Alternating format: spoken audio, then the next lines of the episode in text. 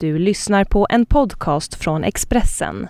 Fler poddar hittar du på expressen.se podcast och på iTunes. Det här är Expressen inifrån. En podcast från insidan av kvällstidningen Expressen.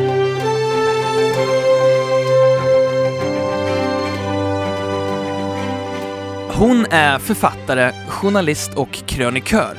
En av Expressens främsta.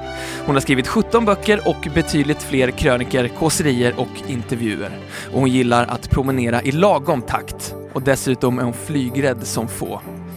2006 vann hon Stora Journalistpriset med motiveringen för att hon med språklig finess, aldrig sinande humor och med en raffinerad intervjuteknik i decennier bedrivit en lätt och obönhörligt avslöjande journalistik. Hon tilldelades Sankt Eriksmedaljen fem år senare. Jag välkomnar ingen mindre än På spåret-vinnaren och Expressen-medarbetaren Cecilia Hagen. Varmt välkommen! Oj, oj, oj. Vad mycket fina saker det där. Skönt att inte de negativa sakerna finns med. Ja, jag bara skojar. Vilken av de här sakerna som jag läste upp tycker du definierar dig mest? Definierar mig mest flygrädslan, höll jag på att säga. Ja, och sen förstås journalistiken. Eller att jag har hållit på att jobba så himla länge på tidningen. Ända sedan 73. Är, Fanns det... du då? Nej, nej, då fanns inte jag. Men är det det som du tycker definierar dig? Som människa? Ja. Ja, vad ska, jag- jag vet inte vad jag ska säga. Jag kan inte säga att eh, Sankt Eriksmedaljen definierar mig. Eh, på spåret eh, definierar mig väl inte. Nej, jag vet inte. Vad, vad lägger du i det? Vad, vad tycker du att eh, du menar med det? Vad skulle du kalla dig i slutändan? Du skulle väl bli eh, journalist eh, och ett författare stämmer inte riktigt. Det känns inte rätt på mig riktigt. Men du har skrivit 17 böcker. Ja, fast det, det, är liksom, det är ju inte några skönlitterära böcker på det viset. Det är mera någon sorts eh, eh, verklighetsböcker, vad ska man säga, som eh, journalistik i bokform. Jag tycker författare för mig låter mer som någon som skriver skönlitteratur. Och så låter det lite för fint på något sätt. Vad blir du mest igenkänd som?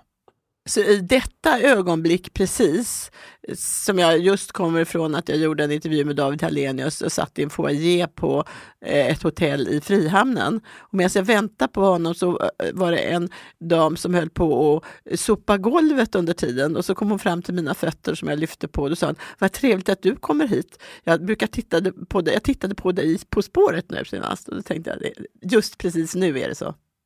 Men det där ta- avtar så småningom, men, men nu är det intensivt så.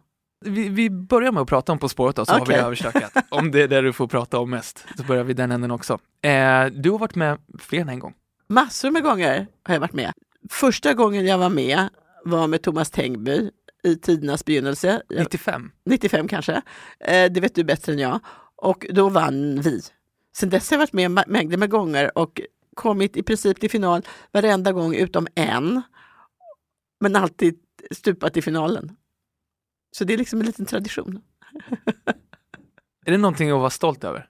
Ja, det tycker jag faktiskt. Jag, Varför? ty- jag tycker att det är li- lite att vara stolt över ändå. Och, eh, från början så var det väl ingen som funderade så mycket över att man var med i På spåret, men det har vuxit väldigt mycket under alla de här åren och blivit en sån jättegrej och dessutom det har blivit lite av en prestigegrej, vilket aldrig sånt här har varit förut tycker jag. Och eh, alla tittar eh, från småungar till gamlingar och ehm, så lite, lite kreddigt att vara med och det, det är ju skoj. Och så behöver man ju inte göra så mycket annat man behöver än, än att sitta och svara på frågor. Antingen kan man eller så kan man inte. Men det är i alla fall jättekul att vara med. Kände du inte innan du var med så här att oj, antingen så kan mitt varumärke höjas eller så kan, det, kan, jag, kan jag liksom riva allt? Eh, alltså det där tror, alltså för det första så började jag med det så himla tidigt så att det fanns inte riktigt den tankegången med. Men jag tror att nu är det mycket mera så. Eh, och framför allt, fast det låter då så här eh, könsmässigt eh, fel att säga det. Framför allt verkar det som att killar är räddare eh, Killar i position är räddare att vara med i På spåret för att avslöja att de kanske inte är sådär otroligt allmänbildade som eh, omgivningen inbillar sig. Så. Att, de kanske blir, det blir en förändrad syn på dem en liten stund. Jag tror som kvinna och i alla fall som jag så spelar det ingen större roll. Och det här med varumärkesbygge, det tankesättet och ordet existerade inte ungefär 95. Har du Ja. någon gång i din karriär känt så här, vad en- mycket enklare det vore att vara man? Egentligen inte. Egentligen inte. Jag har aldrig varit eh, eh inne på chefssvängen eller ens tänkt att jag skulle vilja det. och Jag tror att man kanske tänker så då mera. Och det är klart att eh, också det här att eh, får killar mer, bättre jobb än kvinnor, de får kasta sig ut på oerhörda uppdrag i världen. Det har jag alltid kunnat ursäkta med att jag inte flyger. Alltså, oj då, ja, klart att jag hade fått göra det om jag hade velat, men jag flyger ju inte så jag kan inte göra det ändå. Så det har varit väldigt bekvämt för mig att ha det där med flyget på det sättet. Berätta varför du är så himla flygrädd. Alltså, varför vet jag inte. Jag kan tänka mig att det har mm, kontroll att göra eller tillit eller så. Och någon sorts rädsla för att bli rädd. Eh, Jag, kan inte tänka mig att flyga någonstans och sen sitta hela eh, semestern eller vad det är man har och vara rädd för att eh, flyga tillbaka sen igen. För det skulle jag bara vara rädd för. Det. Var kommer det här ifrån tror du? Var det kommer ifrån? Det är säkert någon liten gen, kan jag tänka mig. Det är det säkert. Något litet ärftligt eh, oroshistoria. För mig är det lite så där att jag inbillar mig att eh, jag var väldigt mörkrädd när jag var liten. Eh, det är också en sån här lite otrygghetshistoria. Och det gick över och då, då min privata eh, filosofering över detta är att eh, man måste, då lägger man över det på något annat. Och då blev jag liksom flygrädd istället och så beslöt jag mig för att jag får vara flygrädd. Då behöver jag inte vara rädd för något annat. Tror jag att det stämmer. Att om jag skulle bli botad från flygrädslan skulle det vara något annat som det gick ut över. Men jag vet inte riktigt vad. Precis på samma sätt att de som eh, krökar för mycket och blir av med det kan bli anorektiker eh, som kompensation. Så det har inte hållit tillbaks dig i livet, an, an, annat räd, rädslan för att bli rädd? Eh, nej, inte på något annat vis. Möjligen har jag varit rädd för att överföra det på mina barn, men det har, de flyger bägge två. Och eh, det är klart att jag, det är massa skojiga jobb jag inte har kunnat göra, men samtidigt så har jag då kunnat säga att jag inte har fått göra dem för att jag inte kan flyga. Eller flyga. Du, har, eh, du började på, jobba på Expressen 73, Mm. du har varit med länge. Ja, det kan man väl lugnt säga. 40 år nu. Tycker du att det har sprungit iväg åt något håll? Ja, det, det är klart att eh, tidningen, har- jag menar själva papperstidningen har ju blivit väldigt mycket mindre. Och sen har ju tekniken blivit, Eh, den har ju förändrats totalt under mina år. Jag, när jag började här så skrev man artiklar med, eh, pa, eh, liksom i skrivmaskin eh, med karbonpapper mellan kopiorna och eh, det var ett himla sjå och sen kom det elektriska skrivmaskiner och det tyckte man var vansinnigt fantastiskt. Och sen har det då utvecklats hela tiden mot att det är lättare och lättare att skriva. Men, men det har inte gjort att, att det har gått fortare att få in artiklar i tidningen. Det är väldigt konstigt. Det har inte gått snabbare. Jo, det är klart på nätet. Men om du bortser från nätet så själva papperstidningen har inte eh, gått att få in artiklarna snabbare än det gjorde då. Trots den oerhört omständliga procedur det var att skriva då. Har du känt som har varit med ganska länge att tekniken eller utvecklingen har liksom flåsat dig i nacken? Nej, det har jag inte gjort. Det är ingenting som jag har tyckt att var varit besvärligt utom när det skulle börja bloggas. Vilket ingen, ingen visste vad en blogg var. Och så, så var det ett antal personer på den här tidningen som eh, blev ombedda, nu ska ni bli bloggare. Vad är detta? Man hade ingen aning om vad det var. Och sen så eh, ställde de och gjorde någon sån här bild av, säg att vi var sju, åtta stycken av oss och så, så var det i, i tidningen så här varannan dag, var den där bibeln publicerades så stod det Expressens bloggare, läs deras bloggar. Jag tror att jag bloggade eh, tre gånger. Och, och eh, den där bilden där jag var med som Expressens bloggare, den tror jag fanns i tidningen i två år eller så. Det var ingen som märkte att jag inte bloggade, det var väldigt underligt. Eh, personligen så tänkte jag att, att blogga var som att sno från sin egen, egen krönika egentligen. Blev det för mig. Som jag, jag tycker alltså att den känns viktigare. Och det kanske är väldigt gammaldags att tycka så. Du har skrivit kolumner eller spalter sedan 75, Ja. Det är länge. Hur länge Ja. har du gjort intervjuer? Det vet jag inte, för det gjorde man väl, det har man väl alltid gjort på något sätt. Jag menar, det har ju alltid varit eh, jobb att göra att man ska iväg och intervjua någon. Eh, jag kommer inte riktigt ihåg när precis den form som är exakt just nu började. Men det är väl ett bra tag sedan det med. Du har ett uppslag varje söndag som eh, heter Hagen möter. Ja. Jag har hört att du lägger ner enormt mycket energi på de här intervjuerna. ja, det gör jag. Förstås. Jag, jag tror att med åren är, känns det viktigare och viktigare när man träffar eh, personer som man ska intervjua att man är påläst och väl förberedd. För en, för en själv känns det viktigare för att man det skulle vara hemskt att inte vara det. Och eh, sen så eh, har jag bandspelare då. Eh, jag hade till väldigt länge, kanske till för två år sedan, en sån där bandspelare som snurrar och alla andra hade små digitala saker. I alla fall så skriver jag rent hela de här banden eller vad det nu är som gör att det är väl inget band, det är en digital, vad, är, vad kan man säga, att man, jag skriver rent den fil som finns i där. Du loggar allt som sägs. Loggar. Ja, du skriver ner ord Ja, för ord sådär. Ja, nej, i stort sett. Ja. Och det tar en jävla tid. För att ehm, jag tror att jag annars missar något som kanske är bra. Vad ska en bra, bra intervju innehålla tycker du? En bra intervju, alltså inte så mycket vad den ska innehålla som för mig som att det ska vara en, att det ska vara en bra läsning. Alltså, och det har mer med eh, nästan vad som helst som inte är speciellt, behöver vara speciellt eh, oerhört eh, uppseendeväckande. Eh, tycker jag kan bli en bra intervju och intressant. Hur det pratas och hur det skrivs och att det blir en sorts bra läsning av det tycker jag är viktigt. Det, tycker, det, det behöver inte vara några sensationer i ett dugg för min del. Och egentligen så är det faktiskt så att jag är väldigt glad om det inte hamnar på någon löpsedel. Absolut glad för det. Är det viktigt för dig att ha bra relation med dina intervjupersoner? Nej. det är det inte heller. Eh, Det, det är inte heller. Utan det jag vill inte alls vara... Jag tycker absolut inte att jag är speciellt eh, övervänlig eller översnäll någonsin mot dem jag intervjuar. Så att, det är det inte. Men däremot så eh, vill jag inte att det ska vara saker som hamnar nästan på jag- För det, blir, det känns fel. Har du blivit vän med någon du har Nej, det intervjuat? tänkte just säga det. Jag tror faktiskt, och det är nästan sjukt. Jag, jag, tror inte jag blivit eh, kamrat eller vän med någon som jag inte gör. Någonsin.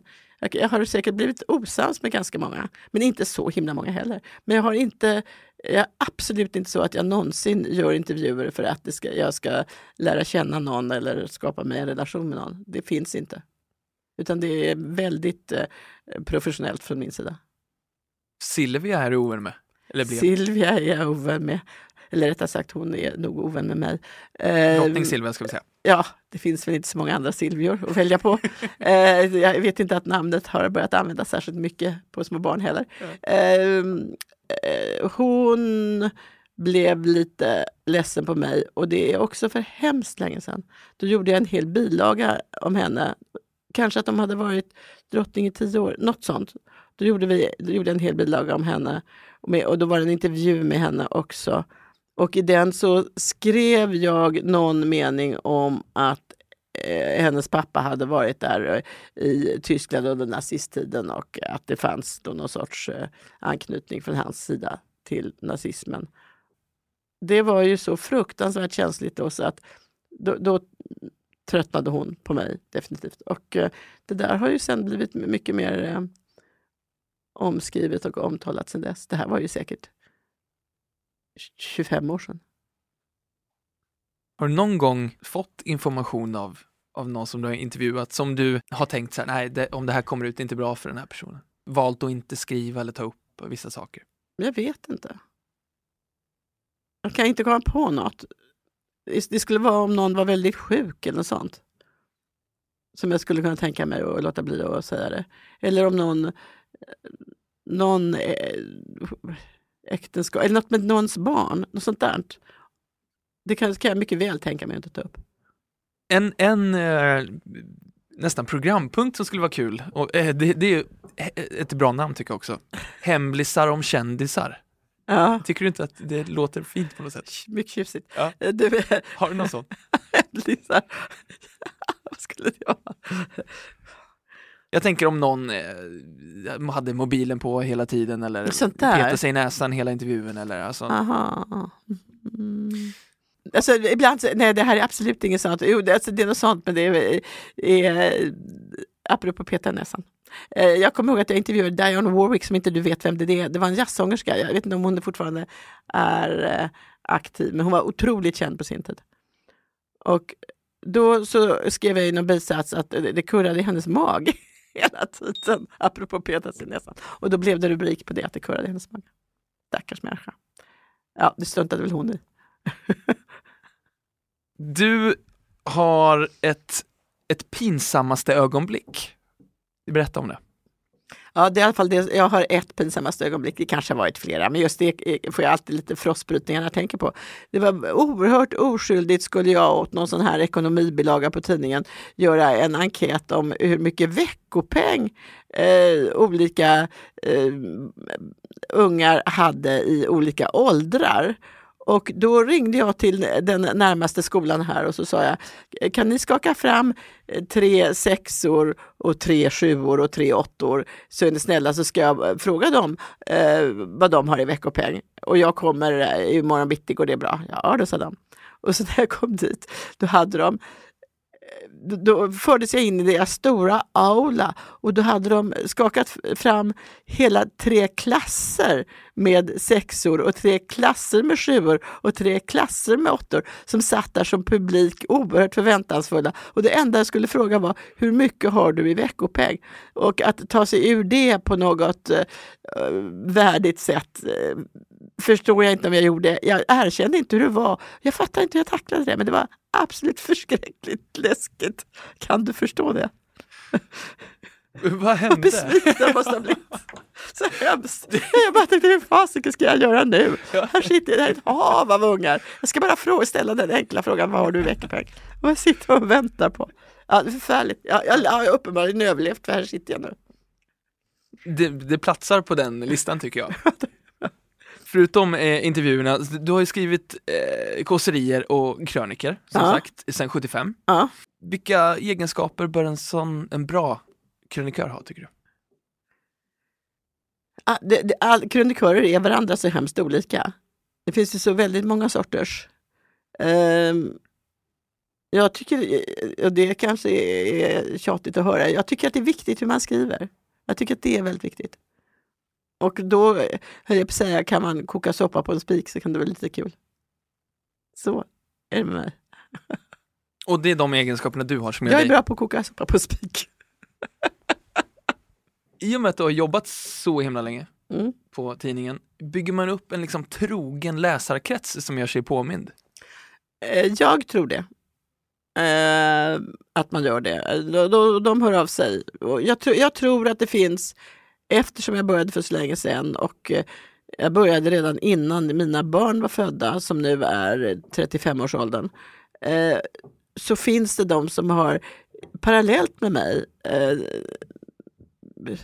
fått barn, fått barnbarn, eh, gått igenom olika former av kriser och eh, kransar, eller på att säga. Och eh, de fortsätter att följa med. Och det kan jag märka de gånger jag då skriver någon bok eller så, så tror jag att många av de som köper, för det är ändå rätt många, eh, har, har någon sorts eh, förhållande till mig. Hur ser du på dina egna krönikor? Behövs de? Absolut. ja, jag tror nog att de fyller någon form av funktion. Det, som underhållning, som kanske lite, jag ska inte säga mer än det. ja, de, de, de roar väl för stunden i alla fall, hoppas jag verkligen. Hur kändes det att vinna Stora Journalistpriset? Eh, väldigt eh, smickrande skulle jag påstå. Det var kul, jätteroligt. Och det här var ju det här priset som heter Lukas Bonniers stora journalistpris. Och det är det. Numera är det så att det är tre stycken journalistpris där det är tre olika personer nominerade till vart och ett och sen får de sitta där på middagen och, och vet inte om ifall de vinner det eller inte. Och det är en i varje grupp av tre som vinner, så två i varje grupp av tre Eh, det blir alltid så när man är nominerad, då, då känner man sig som förlorare om man är, även om man har kommit så himla långt som man är nominerad. Det är precis som på Oscarsgalor. Man tycker så, åh stackars, nej, de var dåliga, de var tydligen. Eh, det här priset eh, får man veta på förhand. Eh, man blir informerad om det. Och eh, då gör de numera på något lustigt sätt. Och det visste jag inte alls om. Utan då blev det så att de, det var någon som, eh, som ringde mig som då var inte var inte vår Otto Sjöberg var det. Det var Otto Sjöberg som var, som var eh, chefredaktör. Han ville äta lunch med mig plötsligt en dag. Eh, vilket han aldrig har bett att få göra förut. Så att jag tänkte, vad sjutton vill han mig? Och så ville han äta det uppe i det här tornet i, högst upp i DN-husets eh, det fanns en, en, en eh, representationsvåning där, där man kunde äta lunch eh, Eh, om det var märkvärdigt förr om åren. Och då ville han äta lunch med mig där. Och tänkte, 17 ska jag sitta och prata med Otto Sjöberg om ensam. Ja. Så kommer jag dit och var dukat för fyra personer. Och då kom plötsligt även Erik Månsson som var någon sorts eh, informationschef på Bonniers och någon till som jag, jag verkar glömma alla nu för tiden. Jo, Stefan Mer var det förstås. Och då så sa de till mig. Då först så skulle man äta där och så sa de jo, att vi har bett dig komma hit vi är för att vi tänkte vi skulle försöka poppa upp eller eh, göra roligare såna här eh, årsredovisningar. Eh, Bonnierkoncernens årsredovisning är så himla tråkig och vi tänkte oss då att du skulle inleda med något litet lustigt kåseri. Vansinnigt. tänkte Ska jag krysta fram något kul om Bonnierkoncernen? Hur ska jag säga nej till det här? Ja, och sen i alla fall så skulle det vara, haha, nej, det får stora journalistpris. Det var deras skämt då. Numera filmar de det där. Under den här journalistprisutdelningen så får man se hur de har lagt upp det här och hur de överraskar med detta. Det kändes som ett erkännande att vinna. Man kan tvivlas på sig själv ändå. Det hjälper inte sånt, tror jag. Ja, det var väl ett sorts erkännande kanske för lång och trogen tjänst. När tvivlar Cecilia Hagen på sig Jag tvivlar alltid. Annars skulle man nog inte fortsätta överhuvudtaget. Ja, det gör jag. Alltså jag tror inte att jag någonsin går till en intervju utan, utan att vara nervös. Och undrar hur sjutton ska det här gå? Och jag tror inte att jag skriver en enda torsdagskrönika utan tänker att det kommer inte bli något antagligen. Det är därför det blir, tror jag. För att man kämpar emot sånt där. Annars skulle man väl lagt av för länge sedan kan jag tänka mig. Ja, men det finns, no, det finns någon form av, av rädsla i dig ständigt då kan man säga, eller någon oro kanske, eller? Ja, jag, jag, jag tror inte att jag, jag har något jättestort självförtroende egentligen. Det låter lite patetiskt att säga. Alltså, ändå så tycker jag nog att jag kan vara ganska bra ibland. Nej. Har du gått i terapi någon gång? Eh, mycket kort. Jag har varje gång eh, hoppat av efter två, tre gånger och och sen har det till och med varit så en gång att jag eh, tänkte nu måste jag nog se om jag måste gå och prata med någon, det kanske är jättebra. Och så kommer jag in till honom och så ska, äh, så ska jag börja så säga, vet du om att du har varit här förut? Ja, ja. Alltså, jag kommer inte ens ihåg vilka jag varit hos. Men det är ingenting som jag tror att jag skulle ha så himla stor nytta av ändå. I ditt liv, vad, vad prioriterar du högst? Jobb eller? Jag inbillar mig att jag prioriterar, prioriterar mina barn och barn, mitt barnbarn högst. Om det skulle vara något valsituation så absolut. Men det är klart, jag tycker ändå att eftersom jag har jobbat så mycket, så i, när man tittar bakåt så är det ju klart så att man har jobbat jättemycket, eh, fixat allt hemma, men kanske inte alltid varit helt mentalt närvarande hemma medan man har fixat. Så man har ordnat allt det praktiska, kanske inte varit världens bästa på att, att uh, lyssna och, och, delta ändå. Det tror jag är en fara med när man jobbar så mycket som jag har gjort. Ångrar du det? Nej, jag tror inte jag gör det.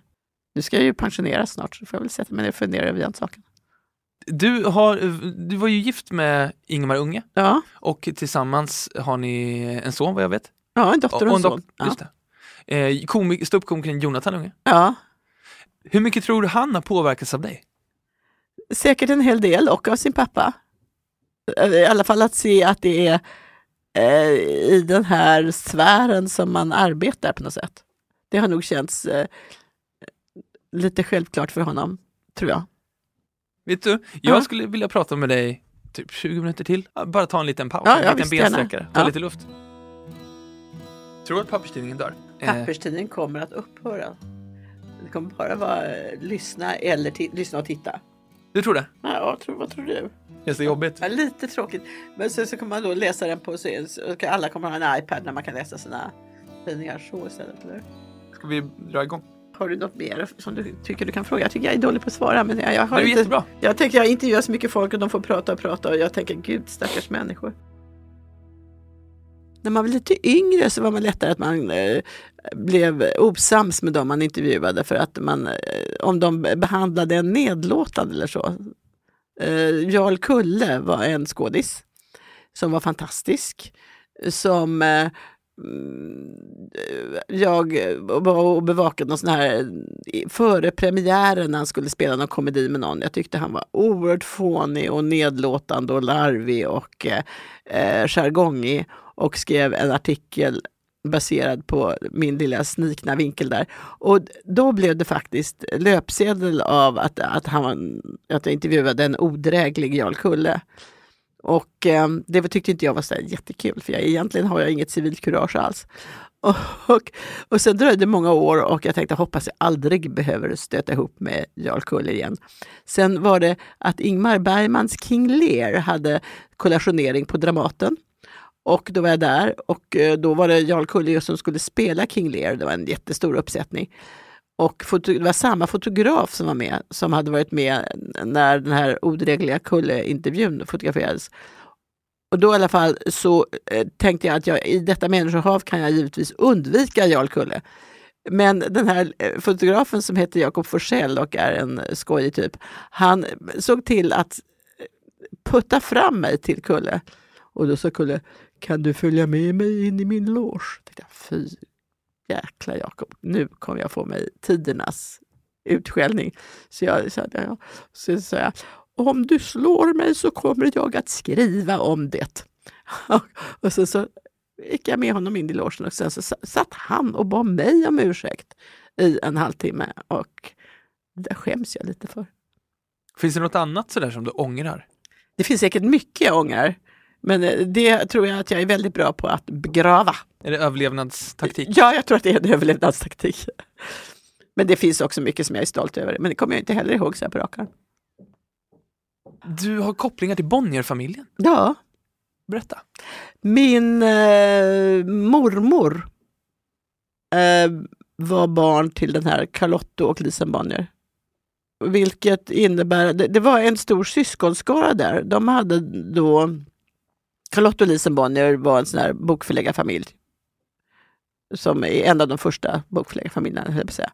Eh, eh, I Bonnierfamiljen, det fanns ju några generationer före, även Carlottos föräldrar och någon till. Men det var, han var väl egentligen den eh, stora eh, personen i det här Bonnierska. Eh, han hade en massa barn, kan, är de fem stycken tror jag, och av dem var två stycken kvinnor. Min mormor och en som heter Greta och en som heter Elin. Och eh, det var väl bra på många sätt. Eh, men de som eh, var kvinnor, de ärvde ju inte pengarna tyvärr. Så att om mormor hade varit en man istället så hade jag kanske inte jobbat fullt så mycket som jag gör. Kan jag tänka mig. Eller så hade jag jobbat för att kompensera och bevisa att jag ändå var en bra person. Din pappa var diplomat Min pappa var diplomat, ja och du har gått på internatskolan i Sigtuna. Just precis, det är sju år av mitt liv. Gick jag där. Från jag var 11 år gick jag där. Eh, det kan man tycka är rätt så hisnande när man tänker på det. Det kan jag också tycka är lite hisnande för att eh, när mina barn var 11 år och, eh, så hade jag aldrig i mitt liv kunnat drömma om att sätta dem i en internatskola. Men där gick jag från när jag var 11 år till och med studenten. Och alla blir så arga när man säger att, jag, att man trivdes. Jag, jag tyckte att det var en jättebra skola. Vi hade fantastiska lärare. Jag hade otroligt trevliga kamrater eh, som jag fortfarande umgås med många av. Och eh, det var eh, fantastiskt att bo på ett, eh, man bodde då på elevhem, flickhem. Och man hade sina eh, vänner, bara, man behövde bara gå ut genom sin sovrumsdörr och knacka på så hade man mm, vänner att prata med. Jag, de sju åren eh, var väldigt, väldigt bra i mitt liv. Jag har aldrig fått stryk av någon äldre eller Ingen penalism. Ingen har penaliserat mig. Och eh, inga av de killar som jag umgicks med, och det var ju väldigt många där, eh, uttryckte några att de hade blivit eh, illa behandlade. Jag tror ju att eh, på alla skolor finns det taskiga kamrater som är vidriga mot de yngre ibland. Ehm, och det är klart att sker det på ett internat är det värre än om det sker i en annan skola eftersom du som eh, boende på ett internat är mycket mer utsatt för dina skolkamrater för att du kommer aldrig hem till mamma och pappa någonsin utan du är där dygnet runt. Så att händer det sådana saker på en internatskola så är det värre än på en annan skola. Det tycker jag. Men jag var inte med om det alls själv under sju år. Vad var det för politisk tillhörighet hemma då hos? Hos mig? Mm. Eh, alla var folkpartister. Min farmor var ordförande för Folkpartiets kvinnoförbund. Eh, min mamma, alltså min mormor och morfar, alltså, de var folkpartister. Ingen var så aktivt eh, jobbande, men de var det allihopa. Så att då har jag fortsatt att rösta på Folkpartiet även fast jag inte har någon större och, liksom, anknytning till dem. Det är mer så tradition pratade om det lite innan, men du har uh, varit gift med eh, journalisten Ingmar Unge. Ja. Var det, var, det, var, det, var det knepigt att vara gift med en annan journalist? Eh, nej, inte ett dugg. Det var väl jättebra. Man hade stor förståelse för varandras eh, stress vid lämningsdags och sånt. Eh, mer var det så att här på Expressen så gillade man inte att folk var för nära någon på Dagens Nyheter som han var då. För att Dagens Nyheter kallades av alla den malliga tidningen. Eh, så det fick man hela tiden försvara. Men det var inget problem kan vi säga. Är du feminist? Absolut. Självklart. Min, fan, då ska jag passa på att slänga in en gammal släkting till min farmors äldre syster, så min farmor var då hon som var ordförande i Folkpartiets eh, kvinnoförbund eh, och mycket annat.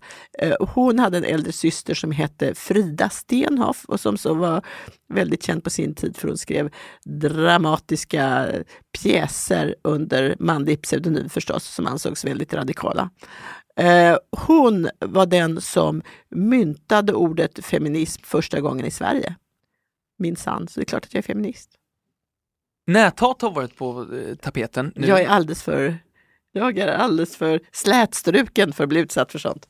Du, du blir inte utsatt Nej. för näthat? Kan det ha med ålder att göra också? Vet. Är det bara påfallande stiliga, eh, smarta unga tjejer som blir utsatta för det? Nej, jag, jag trodde det alla, men du har aldrig upplevt... Nej. Du har bara fått glada tillrop? Eh, nej, det kan jag väl inte påstå, men eh, övervägande absolut. Men det är klart jag inte har. Klart att ibland blir det någon som blir förbannad på något, men inte så att, de, inte så att det blir tillmälan. Det har jag inte varit med om.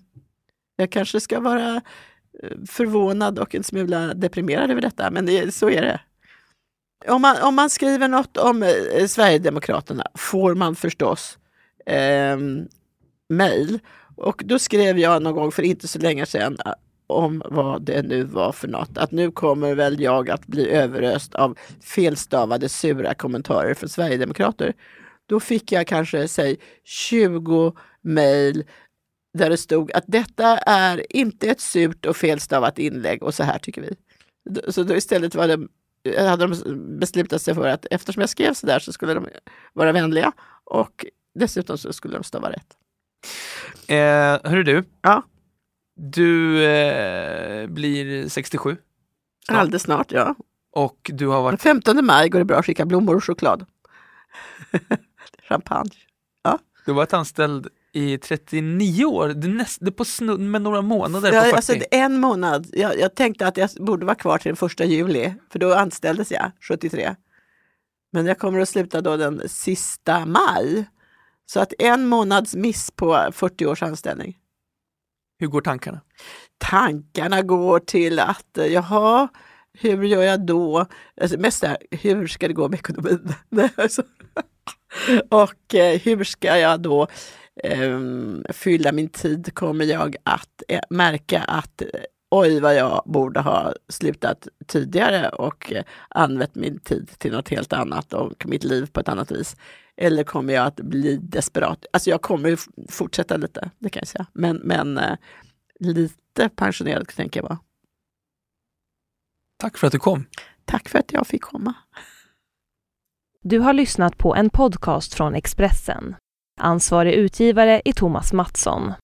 Fler poddar hittar du på expressen.se podcast och på iTunes.